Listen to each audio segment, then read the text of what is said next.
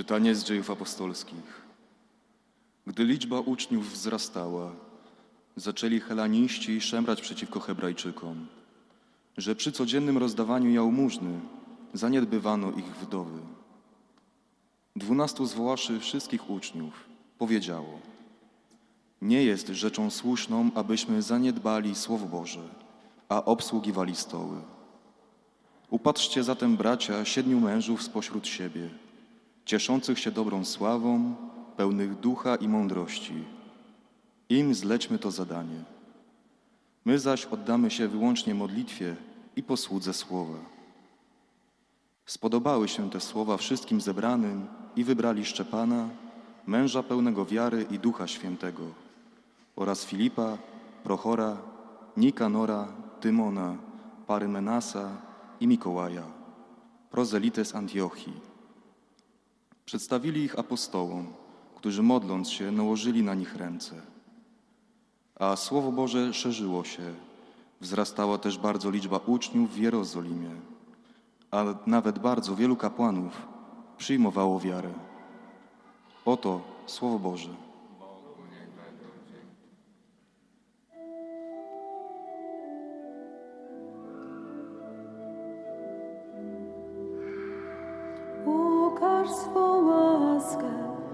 Ufającym Tobie.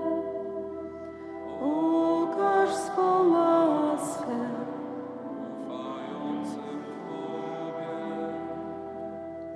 Sprawiedliwi radośnie wołajcie na cześć Pana. Prawym przystoi pieśń chwały. Sławcie Pana na cytrze. Grajcie mu na harfie o dziesięciu strunach.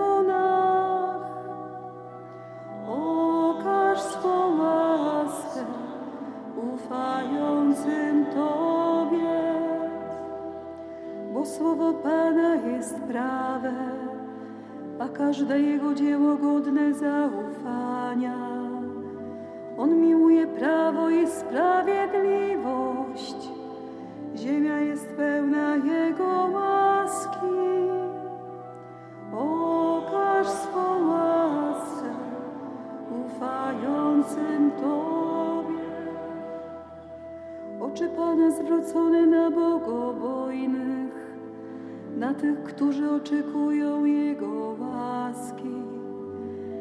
Aby ocalił ich życie od śmierci i żywił ich w czasie głodu.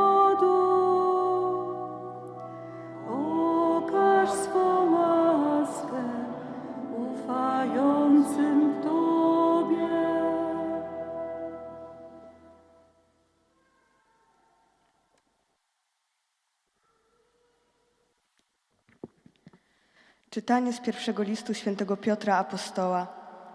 Najmilsi, przybliżając się do Pana, który jest żywym kamieniem, odrzuconym wprawdzie przez ludzi, ale u Boga wybranym i drogocennym.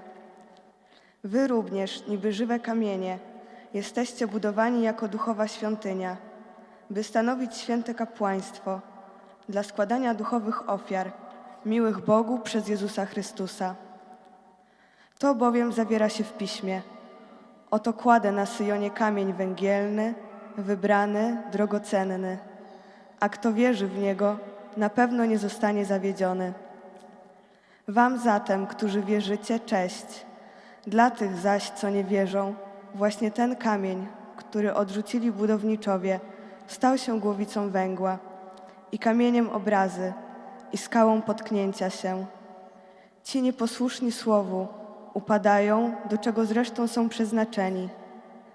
Wy zaś jesteście wybranym plemieniem, królewskim kapłaństwem, narodem świętym, ludem Bogu na własność przeznaczonym, abyście ogłaszali chwalebne dzieła tego, który was wezwał z ciemności do przedziwnego swojego światła. Oto Słowo Boże.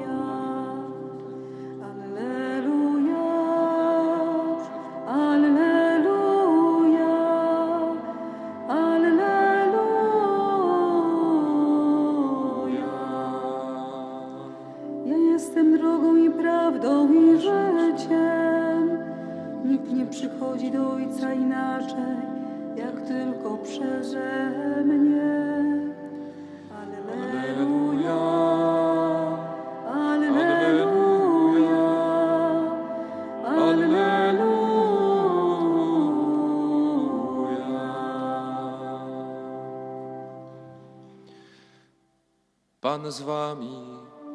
I z duchem Twoim Słowa Ewangelii według świętego Jana. chwała Tobie, Panie. Jezus powiedział do swoich uczniów: Niech się nie trwoży serce wasze. Wierzycie w Boga i we mnie wierzcie. W domu Ojca mego jest mieszkań wiele. Gdyby tak nie było, to bym wam powiedział. Idę przecież przygotować wam miejsce. A gdy odejdę i przygotuję wam miejsce, przyjdę powtórnie i zabiorę was do siebie, abyście i wy byli tam, gdzie ja jestem. Znacie drogę, dokąd ja idę. Odezwał się do niego Tomasz: Panie, nie wiemy dokąd idziesz, jak więc możemy znać drogę? Odpowiedział mu Jezus: Ja jestem drogą i prawdą i życiem. Nikt nie przychodzi do Ojca inaczej, jak tylko przeze mnie. Gdybyście mnie poznali, znalibyście i mojego Ojca, ale teraz już go znacie i zobaczyliście. Rzekł do niego Filip: Panie, pokaż nam Ojca, a to nam wystarczy. Odpowiedział mu Jezus: Filipie, tak długo jestem z wami, a jeszcze mnie nie poznałeś? Kto mnie widzi, widzi także i Ojca. Dlaczego więc mówisz: Pokaż nam Ojca? Czy nie wierzysz, że ja jestem w Ojcu, a Ojciec we mnie? Słów tych, które wam mówię, nie wypowiadam od siebie. To Ojciec, który trwa we mnie. On sam dokonuje tych dzieł. Wierzcie mi, że ja jestem w Ojcu, a Ojciec we mnie. Jeżeli zaś nie, wierzcie przynajmniej ze względu na same dzieła. Zaprawdę, zaprawdę powiadam wam, kto we mnie wierzy, będzie także dokonywał tych dzieł, których ja dokonuję, a nawet większe od tych uczyni, bo ja idę do Ojca. Oto słowo Pańskie. Chwała Tobie, Chryste.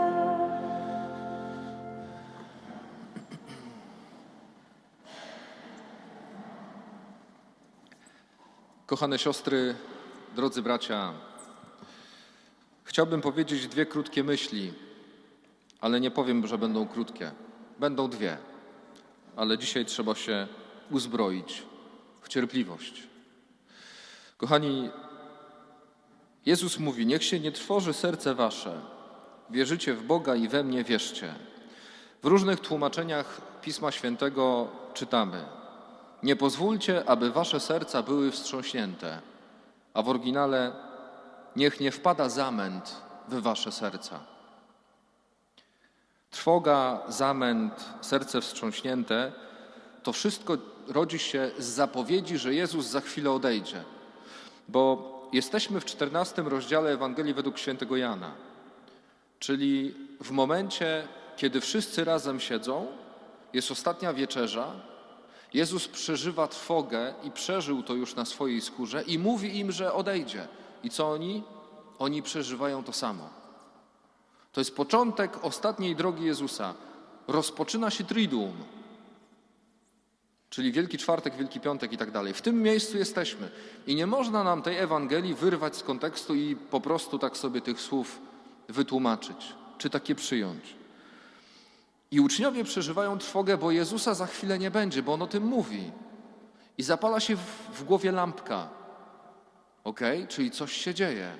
Coś ma się wydarzyć złego, skoro Jego ma za chwilę nie być. W tamtym tygodniu mówiłem o tym, że jest jedna droga, jest nią Jezus.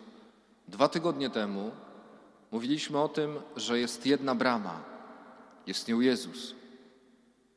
A dzisiaj uczniowie przeżywają trwogę, bo za chwilę go nie będzie. Co się stanie z Twoim życiem, jeżeli nie będzie Jezusa? Albo inaczej, co by się stało? Bo my jesteśmy mądrzy, ja często o tym mówię, bo znamy całą Ewangelię. Wiemy, że za chwilę on zostanie pojmany, ukrzyżowany, zmartwychwstanie, jest z nami po wieki wieków. Amen. Ale uczniowie tego nie wiedzą. Oni tego nie wiedzą. Więc oni zaczynają się bać. W ich sercu zaczyna kwitnąć zamęt. Serce jest wstrząśnięte, bo dzieje się coś niedobrego, bo pokój życia serca został zachwiany. I rozpoczynają się pytania, i może mają takie pytania: a co się stanie z nim? Co się stanie z naszą wspólnotą? A co się stanie ze mną? I to jest pytanie najczęściej, chyba najczęściej stawiane przez nas. Bo jesteśmy gdzieś tam skierowani na siebie. Każdy z nas w pewien sposób jest egoistą i martwi się o siebie.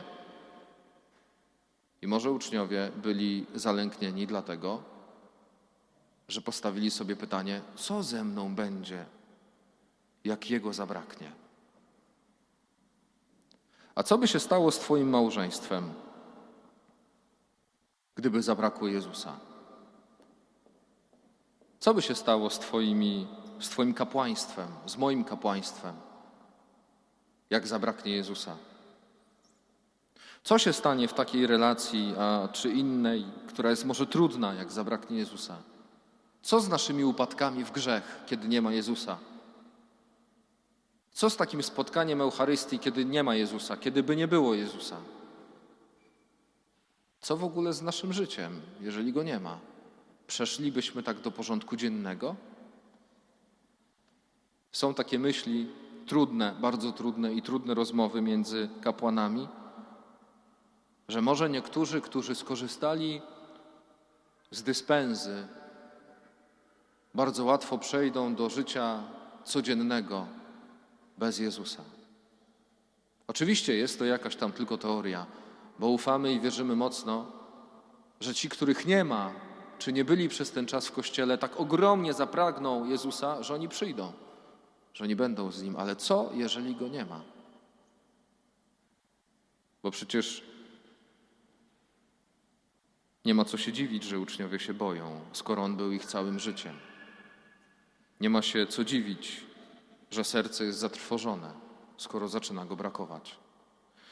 I kochani, może jest tak, że On jest, bo my oczywiście mądrzejsi znamy całą Ewangelię i wiemy dobrze o tym, że On jest i spotykamy się z Nim, ale On jest w teorii bardzo często w naszym życiu, a kiedy słyszysz słowa niech się nie trwoży serce Twoje, wchodząc do kościoła, wychodzisz z kościoła i słyszysz, ale ja cały czas się boję. Ale moje serce jest cały czas zatrwożone, nic się nie zmieniło. Może jest tak, że te słowa są tylko dla nas teorią. I ani do tego kapłaństwa, ani do tego małżeństwa, ani do tej relacji, ani do sprawy gdzieś tam w domu nie wpuściliśmy tego Jezusa, który cały czas jest. Potrzeba wiary. I do tej wiary Jezus się dzisiaj odnosi. Wierzycie w Boga i we mnie wierzcie. Nie ma wiary w Boga bez wiary w Jezusa i odwrotnie. Wierzycie w Boga i we mnie wierzcie. Słuchajcie, chciałbym dotknąć dwóch takich terminów, które są w tej Ewangelii. Pierwszy termin grecki to jest oikos, czyli dom. Czyli dom. Dom na zasadzie budowli, świątynia, miejsce przebywania ludzi. Ale jest jeszcze jeden termin, który został użyty w tej Ewangelii: oikia, czyli dom. Czyli dom ale nie budowla. Dom, czyli relacja międzyosobowa. Ojciec, syn, Bóg, Jezus. Dlatego Jezus mówi: Jest wiele mieszkań w domu mego Ojca. Czyli jest wiele, wiele, wiele relacji tam, gdzie my zmierzamy.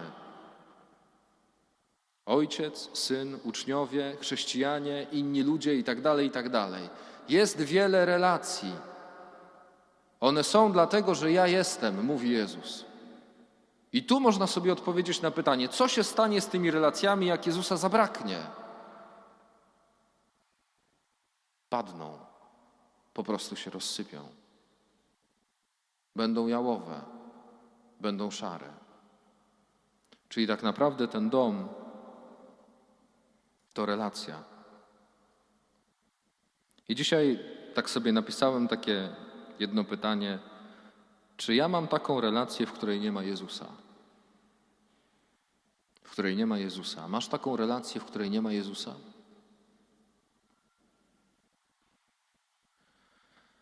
Bo ja jestem pewien, że w relacji, której nie ma Jezusa, to jest właśnie relacja, która jest przyczyną naszego wstrząśnięcia serca, naszego lęku, braku pokoju, bo tam po prostu nie ma Jezusa.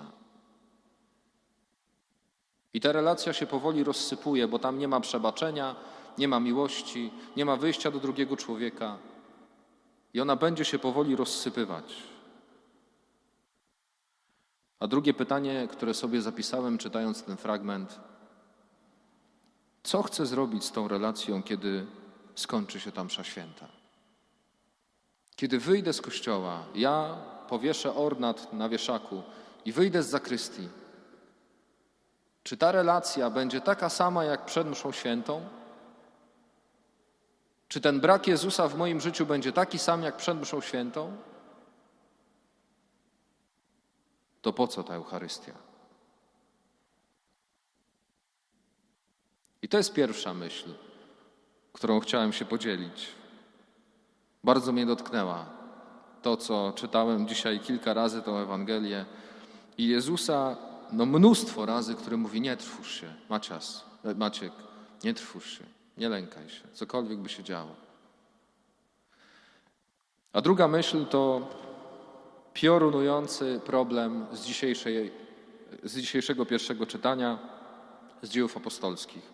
Piorunujący mówię dlatego, że tak naprawdę nie jest jakimś wielkim problemem, ale dla nas czasami sprawia ogromne trudności. Zobaczcie, usłyszeliśmy przed chwilą w dziejach apostolskich, że Kościół się rozrasta, się powiększa. Y, Cały czas rośnie liczba uczniów i pojawiają się we wspólnocie napięcia. Tam, gdzie się coś dzieje, tam będą się pojawiały napięcia. My często myślimy sobie tak, że jeżeli coś się dzieje, wspólnota jest aktywna, Duch Święty otwiera ludzi, to tam w ogóle nie ma kryzysów, nie ma napięć, nie ma trudności. No bzdura. Bzdura. Tam, gdzie się coś dzieje, tam są napięcia. Tu się wspólnota rozrasta. I tu były napięcia, niektórzy twierdzą, tak jak jest napisane, że przy codziennym rozdawaniu jałmużny zaniedbywano ich wdowy. Nie o wdowy chodzi. Tak? To nie chodzi o te wdowy nasze piękne, wspaniałe, kochane. Chodzi o to, że ta wspólnota chrześcijan w Jerozolimie była stworzona z dwóch grup. To były dwie grupy. Pierwsza grupa to byli Hebrajczycy, a druga Heleniści. I kochani, Heleniści posługiwali się językiem greckim i czytali Pismo Święte w tłumaczeniu Septuaginty. I byli bardzo otwarci z racji kontaktów i z racji otwartości myślenia, żyli też poza światem żydowskim. A druga grupa to byli Hebrajczycy, nawróceni z tradycyjnego judaizmu. Oni się posługiwali po, y, językiem aramejskim i czytali Biblię po hebrajsku, ale ich fundamentem było prawo. I byli bardzo restrykcyjni i zamknięci. W której grupie się odnajdujemy? Bo może być tak, że nawet w małżeństwie jest jedna osoba, która jest mega otwarta do działania, do robienia i w ogóle ma bardzo szeroką perspektywę życia, a druga osoba jest odtąd dotąd, czyli żyje według prawa, czyli żyje według pewnych schematów. Może być tak, że we wspólnocie pojawiają się takie osoby i takie osoby, i pojawia się w którymś momencie zgrzyt, pojawia się trudność pojawia się konflikt. Tutaj inne wychowanie, inne życie, inne patrzenie na świat, inne doświadczenia, inne sugestie, inne założenia, inne marzenia itd., tak itd. Tak I pojawia się konflikt. I dwie myśli mi się takie zrodziły z tego konfliktu. Po pierwsze, nie bój się tego. Nie bój się tego. Jeżeli w Twoim życiu pojawia się jakieś napięcie, to nie bój się tego. Oczywiście, jeżeli robimy konflikt, trudność z jakichś tam pierdółek, z jakichś tam małych rzeczy i nagle wielka lawina z kilku głupich słów, to jest bez sensu. Ale nie bój się prawdziwego konfliktu, nie bój się prawdziwego, tru, prawdziwej trudności. Nie bój się tego. Kościół nie bał się tego. ten pierwszy. I zobaczcie, oni razem wspólnie zadecydowali, że będą diakoni, oni mają się zająć stołami, my mamy się zająć głoszeniem, czyli doszli do rozwiązania. Konflikt jest po to, żebyśmy popatrzyli szerzej, zaczęli działać i kochać bardziej. Po to jest trudność. Mo- możemy ją przeżyć tak, że kiedy przychodzi jakaś trudność w naszym życiu, to ja się zamknę, głowę skłonię, schowam się w sobie, strzelę focha, nie wiem co tam jeszcze, zacznę się żalić i koniec. Jak Kościół rozwiązuje trudność? Czyli Kościół, czyli my? Jak wspólnota rozwiązuje tę trudność? Zbierają się razem, mają szersze patrzenie, modelują swoje duszpasterstwo, działają bardziej i więcej i kochają mocniej. Masz takie rozwiązania na swoje życie? Takie rozwiązania w, swoim, w swoich relacjach? Kiedy pojawia się jakaś trudność, to siadasz z Panem Jezusem albo z innymi uczniami, z kimś bardzo bliskim, żona, mąż, dzieci, Twoja rodzina, wspólnota, kościół i patrzysz szerzej, działasz więcej i kochasz bardziej. To jest dopiero rozwiązanie. I może właśnie te dzieje apostolskie, ten szósty rozdział, podpowiada nam, w jaki sposób my mamy się zachować, kiedy będzie jakiś konflikt w naszym domu, w naszym środowisku, w naszej wspólnocie, w kościele, a w końcu w Twoim życiu. Patrz szeroko, działaj więcej i kochaj bardziej. Nigdy się nie zamykaj. Amen.